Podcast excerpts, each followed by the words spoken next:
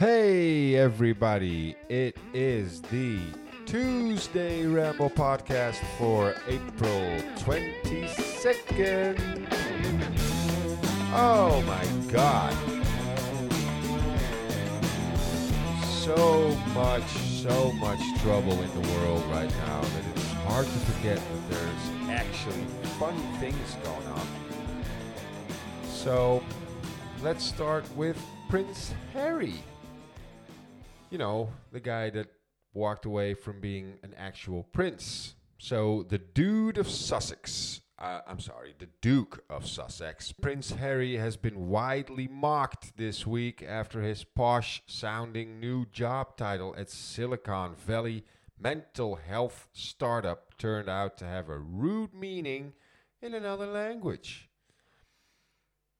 This um, this guy is now a um, chief impact officer for U.S. mental health outfit Better Up, and it's his first major job since stepping down from the royal family.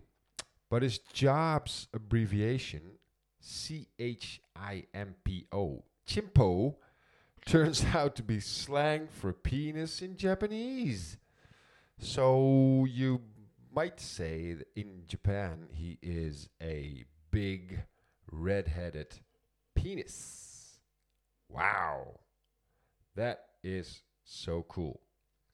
So, in other news, um, the first US dollar coins, the prototype of the first US dollar coin is going up for auction. I wonder how expensive that's going to be.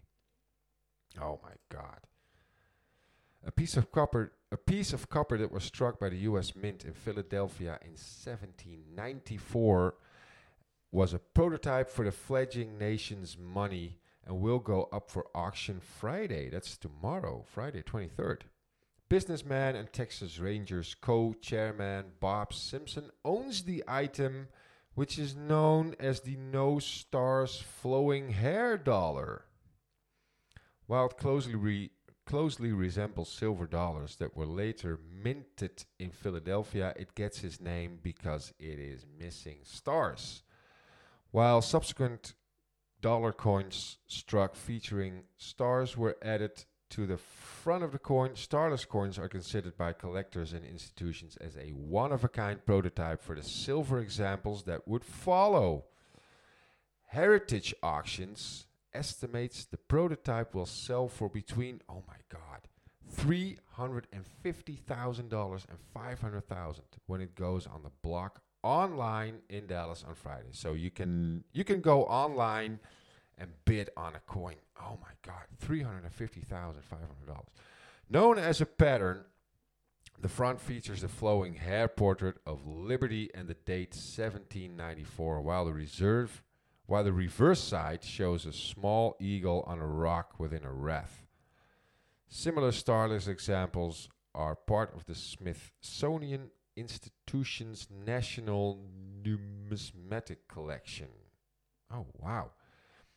It's incredibly exciting, said California based numismatist David McCarthy. It gives us a view into what's going on inside the mint in 1794 when it was gearing up to make the first dollars ever struck. It is a piece of history. I'll admit it, it's a piece of history. The pattern was forgotten as the mint continued the process of creating the nation's first silver dollars. Coin collecting lore states the unique rarity was excavated from the site of the first Philadelphia mint before eight, 1876. That was how the coin's first owner described its history at its first auction appearance in 1890. Oh my god. The pattern is corroded and not in perfect condition likely because it was buried at the site of the original mint. There are some scratches and other marks on its brown surfaces. Oh my god, this guy who's selling it is 73 years old.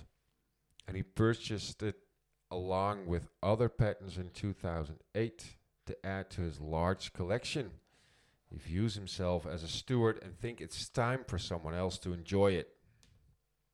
Yeah. I think coins should be appreciated almost as artwork. I have gotten more than enough joy from them. Wow. Oh my god. $350,000 for a coin. My goodness. So, in other news, Facebook has been busy. Facebook takes down official page page for French town called Bitch. the French town of Bitch on the north northeastern border with Germany had previously caused embarrassment for the US embassy. US embassy. Oh my god. So Local broadcaster Radio Melody reported that the page was taken down, forcing the municipal communications officer to create a new one under another name. Miss Valerie de Guy, I don't know how to pronounce it, said the new page was named after the town's postcode, Mairie 57230. Valerie de Goose said, I try to reach out to Facebook in every possible way through different forms, but there's nothing I could do. She already had issues when she first created the page. Another of the commune's town, Rohrbach Les Beaches, renamed its page Ville de Rohrbach out of caution.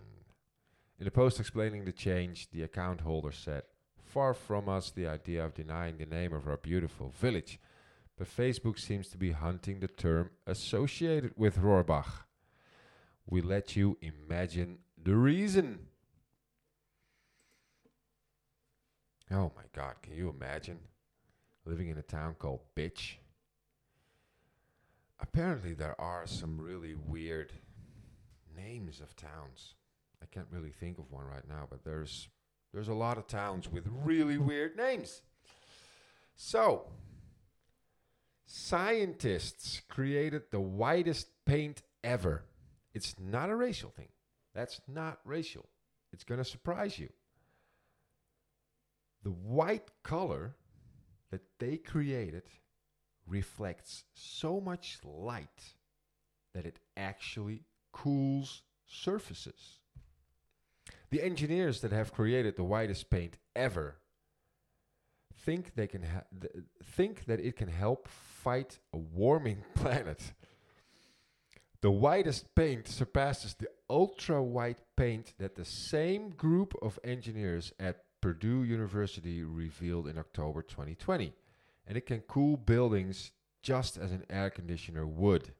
Oh wow, that's amazing. If you have if you can paint your house white and it cools your house. It actually cools your house. Oh my God.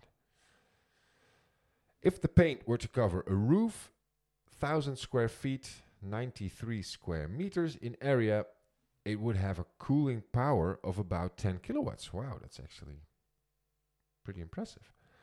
That's more powerful than the central air conditionings used by most houses.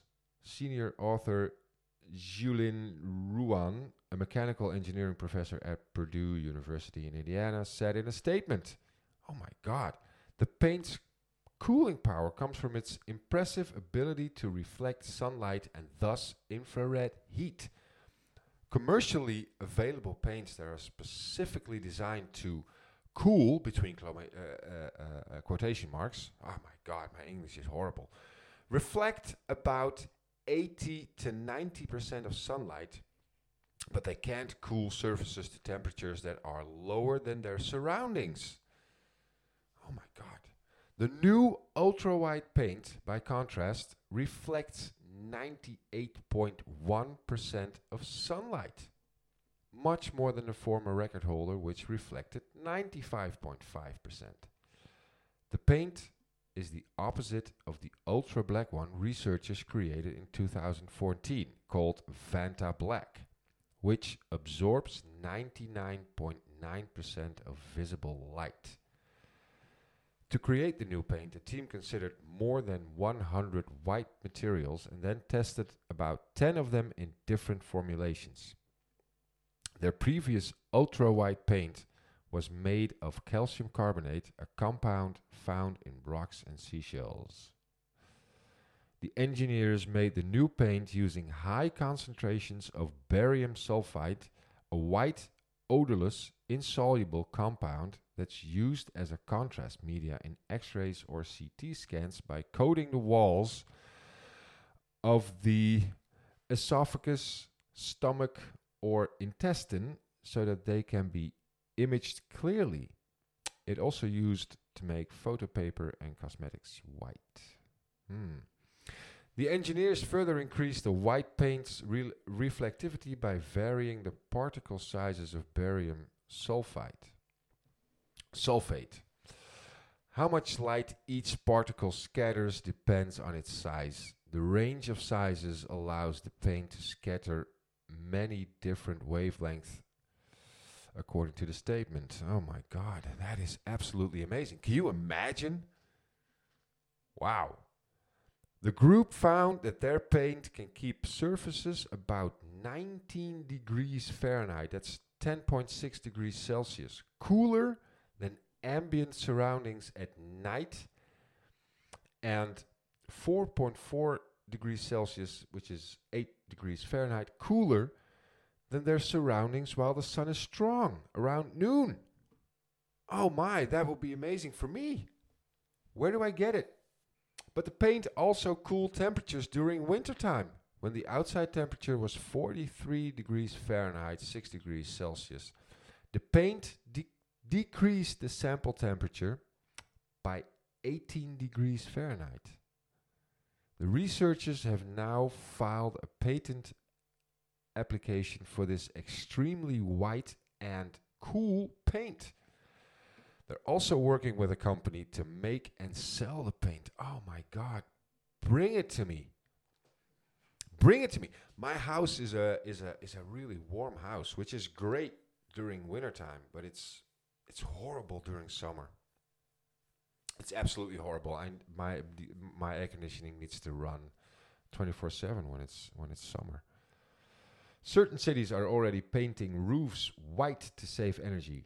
New York, for example, has recently painted 10 million square feet, which is 929,000 square meters of rooftops white.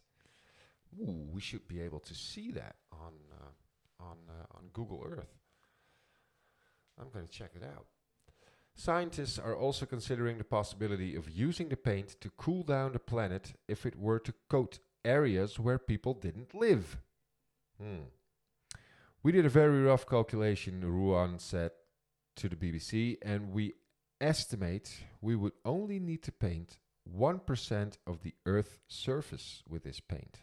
1% of the surface of the planet. Oh my God, that's a lot. Only 1%. That's a lot, man. Good luck with that. Perhaps an area where no people live that is covered in rocks. And that could help fight the climate change trend which is covered in rocks. What do you do for a living? Well, I paint rocks. Well, what color do you paint them? I paint extremely white. All right. Well, others were cautious about the findings. The paint is only a small improvement over commercially available paints. Ronnen Levinson, the leader of the Heat Island group of Lawrence Berkeley National Laboratory, Oh my god, that's a mouthful. Cooling benefits are usually evaluated after a reflective material has been outside for a few years. Hmm. I don't really know how the ultra bright white will perform then. That's a good one. But from its initial properties, when it's clean, it's about a 10% performance boost over today's bright white roof coatings.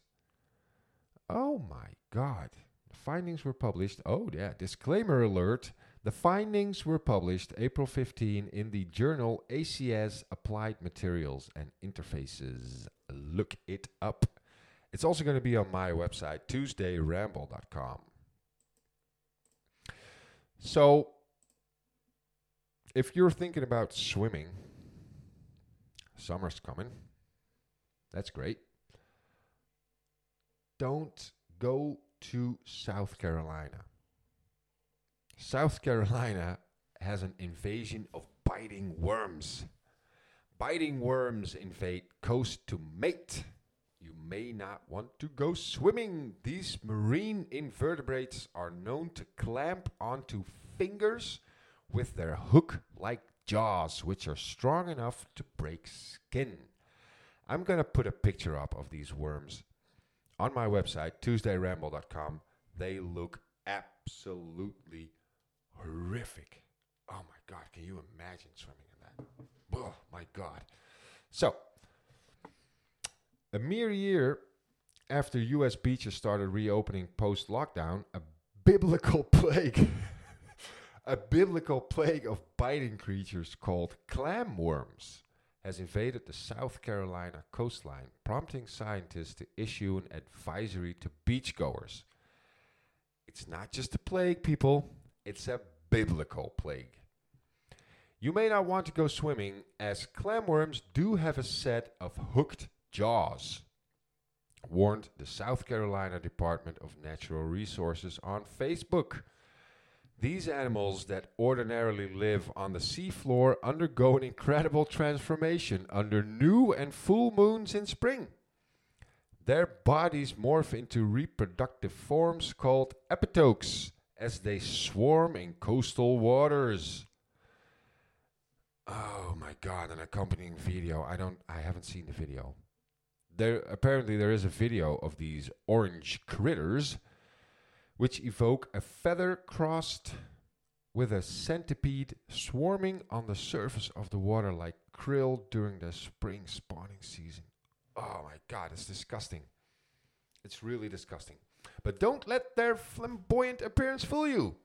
These marine invertebrates are known to clamp onto fingers with their hook like jaws, which are strong enough to break skin. Despite the danger, it's hard not to appreci- appreciate such an unusual coastal sight. Nothing says spring on the coach on the coast like a frenzy of marine worms. Oh my god. However, don't fret if you miss this year this year's clamworm congregation like the swall like the swallows returning to Capistrano Every spring, these salacious sea beasts gather in the waters of Charleston, South Carolina, in search of a mate. The swarms are generally tailed by hungry throngs of fish and birds. Oh my god. Disgusting. I'm going to put it up on my website, tuesdayramble.com, um, so you can see the picture. Jesus. Now I have something. This is really heartwarming news. A heartwarming news. Man bowls a perfect game with bowl containing his father's ashes. Oh my God. An Ill- Illinois man paid tribute to his deceased father by bowling a perfect 300 game using a ball that contained some of his dad's ashes. John Hinkle, a two time NCAA bowling champion for Western Illinois, Illinois University, said his father, John Hinkle Sr., introduced him and his brother Joe to the sport of bowling when they were very, very young. Hinkle said his two handed bowling technique means he's only allowed two fingers, two finger holes in his ball. So he had the thumb hole on his ball filled with some of his father's ashes after the older Hinkle died in 2016. I was talking to my brother and told him, I'm shooting a 300 with this ball. And Joe, his brother, said, Do it. Hinkle's prediction came true April 12, so that's 10 days ago, when he rolled a perfect game at Landmark Lanes in Peoria. I had tears in my eyes in the 11th and 12th frame. I couldn't tell you where that last ball went. I had so many tears just throwing it, Hinkle said. Hinkle, who has bowled several 300 games. Ah, it's not the first time. Okay. Hinkle, who has bowled several 300 games during his time in the sport, said the game was especially significant since his father had never quite managed to shoot a perfect game. It's special, he said. Dad shot 298, 299, never had a 300. I had goosebumps and chills, Hinkle said. He was there. Ah, that's heartwarming, ain't it? That's heartwarming. I'm not a bowler. I don't bowl. But, uh, well, if that's your thing and it's your dad's thing, that's, uh, that's really something special, eh? So, this is a story. This is a weird one.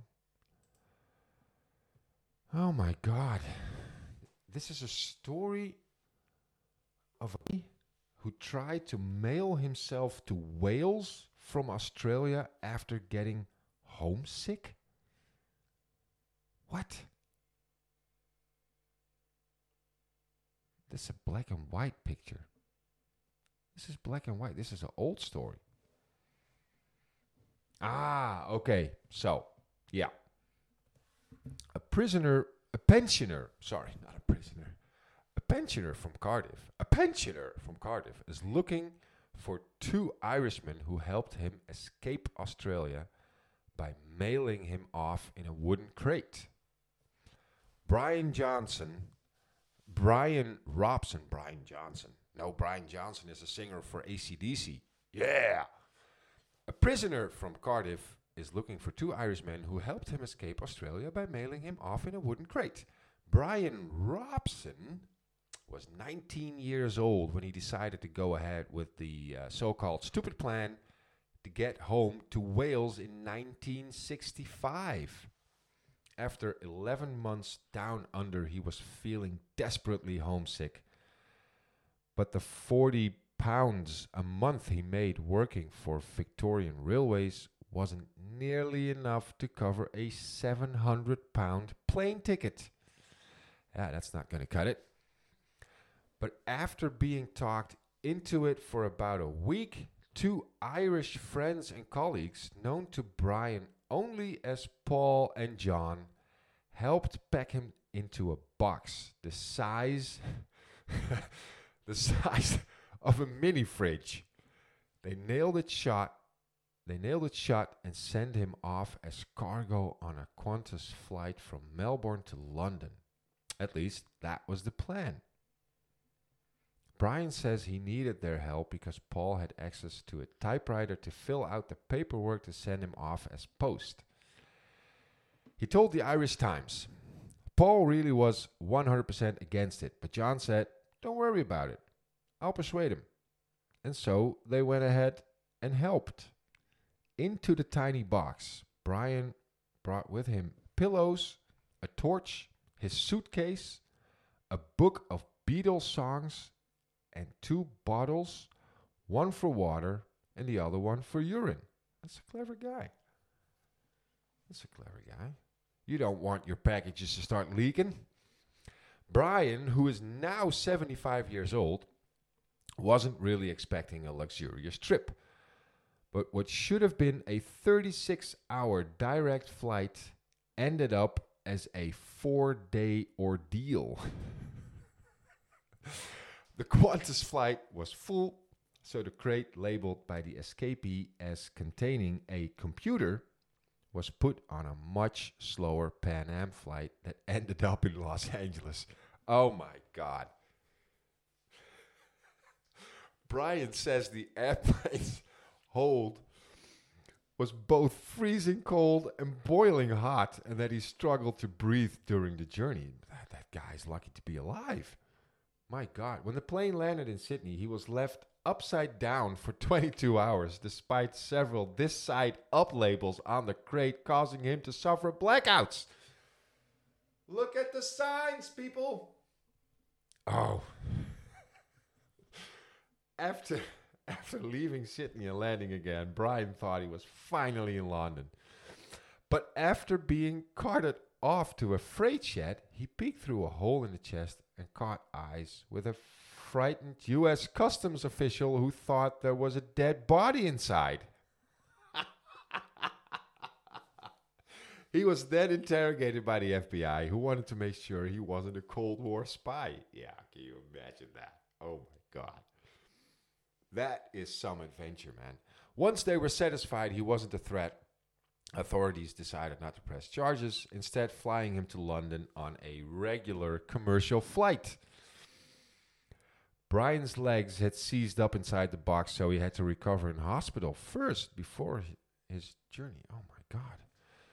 Australia's then Australia's Australia's Australia's Australia's then acting minister for immigration, Leslie Bury, said the government would not take any action against him. That's nice.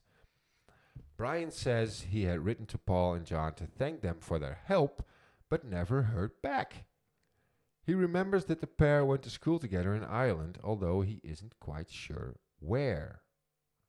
The stowaway added, If I met them again, I'd just like to say that I'm sorry I got them into this and that I missed them when I came back. I'd like to buy them a drink. That is a nice story, right? After returning to Wales, Brian spent his life working in retail and will now tell his story in a book, The Great Escape Oh my god, what a great title. Look out for it. It's it's coming out late April. The Great Escape. A film depicting his near fatal journey is also in the works. That is amazing. Looking back at it, looking back at this plan, he told the BBC, "It was stupidity. If my kids tried it, I would kill them." But it was a different time. Yeah, that's what I that's what I also say to my son. It was a different time. It was different back then. Wow, that is amazing. What an adventure. He wrote a book, The Great Escape. Man, I'm really curious. And I'm also really curious about the, about the movie, by the way. I'm really curious about the movie. All right, so we're almost there. Oh my god, these stupid websites. I hate websites that have way too many commercials on them. So, this is a story about a man that returns to his $6 million home to find someone had borrowed it to get married. That's a big ass house. Jeez. Friends and family of Shanita Jones and Courtney Wilson were thrilled when they were invited to their dream home to watch them get married. Guests were invited to spend the weekend at the $5.7 million estate with 7.2 acres in southwest Ranches, Florida. The couple even called it the Wilson's Estate on invitations. Before but but there was just one tiny snag. The home wasn't theirs. They hadn't even hired it. And the real owner knew nothing about their plan until he showed up on the Saturday morning when they were meant to tie the knot. A stunned Nathan Finkel called 911 and said there were people trespassing on his property. He said they were harassing him and telling him it was God's message. They should get married at his home. Mr. Finkel added, I don't know what's going on. All I want for it to stop. And they're sitting at my property right at the front gate right now. Mr. Wilson allegedly posed as a prospective buyer and visited the home multiple times several months before the ceremony. Oh, okay. The nine-bed home was first listed for 7.25 million in 2019, but has but has since come down in price. It comes complete with a grand ballroom, two-story bar, movie theater, two-lane bowling alley, pool, tennis court, and dance studio. Ah, man. What a great place to get married. I get it. I get it. Southwest Ranches attorney Keith Poliakoff said Mr. Wilson took many photos while touring the estate. He added a few months later, this guy asked Nathan if he could use Nathan's backyard for his wedding. Nathan said no. But that didn't stop the couple from sending out elaborate invitations to the estate, detailing the story of how they reconnected 30 years after high school and how Mr. Wilson proposed over pizza on Christmas Eve. What a bullshit story. The Saturday afternoon ceremony ceremony would be followed by a red carpet cocktail hour and a reception last, lasting past midnight. Sunday brunch would be from noon to 4. An invitation on an elaborate wedding website read, It is our honor to welcome you into our dream home and estate to share the special occasion with us. We're excited to celebrate our wedding night with you and look forward to a wonderful evening of celebration, exquisite feasts, exquisite feast and dancing at our royal extravaganza. Oh my god. Those people are full of shit. Mr. Poliakoff added, the guy figured it was a vacant house and didn't realize Nathan lived on the property in a different home. This guy had no idea he lived there. You know, you know the shock that must have been on his face when he showed up at the gate and the owner was home. Two police officers arrived at the scene and told Mr. Wilson to leave and not to come back. No charges were brought against the couple, and when approached by reporters, Mr. Wilson said, I don't want to talk about it. No, of course he doesn't want to talk about it. He's full of shit. That's what the fuck he is. Broward County records show a marriage license has been issued to the couple last week, but they had not registered as married. Ooh. So they're not officially married. All right, I'm about to wrap it up. I've got one news story that is I don't know how how old you guys are. I'm 43. Um and I want to end this podcast with uh, with good news. Really really good news cuz as you get older hangovers get easier to deal with as you get older. Study claims research has claimed that hangovers get easier to deal with the older we get. And younger generations have worse hangovers because they tend to drink greater volumes in shorter periods of time. As you get older, you may have found hangovers have gone from something you could laugh off with a McDonald's to a three day event. But despite the painful experiences we've all suffered firsthand, an expert study has found that hangover severity declines with age. Looking at feedback collected from 761 people, get this, with an age, age range of 18 to 94 years old. Can you imagine being 94 years old and being asked to participate in a study about hangovers? Sign me up! Older people suffered less the following day. Yeah.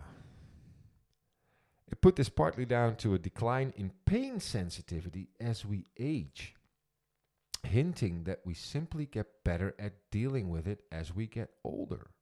Hmm, that's good news, people.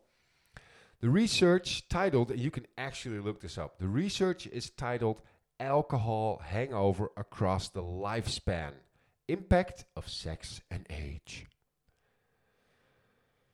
Oh my God. Although the amount of alcohol people consume each week was found to increase with age, it suggests we go for more of a little and often approach spread out over more days as opposed to heavy session. In general, younger age groups suffered worse hangovers for three glaring reasons. They drink more alcohol in one sitting, they do it in a shorter period of time, and they get more drunk. But it also found that whether you're 18 or 18, 80, your level of drunkenness was the strongest predictor of next day hangover severity. Meaning that if you have a few too many, no amount of aging is going to save you. It concludes Taken together, our study confirms that both subjective intoxication which is the level of drunkenness, and hangover frequency, frequency decline with age. The study also adds that hangover severity declines with age, and this relationship remains after controlling the EBAC, EBAC, estimated blood alcohol concentration, or the amount of alcohol consumed. Well, I'm about to wrap it up, guys. Thank you so much for tuning in. Go to my website, tuesdayramble.com. I'll put up these um, these news items with pictures and links to videos if there are. Go to my Instagram, go to my Twitter, Tuesday Ramble. You should find me. Thank you so much, and I will talk to you soon. All right. Bye bye.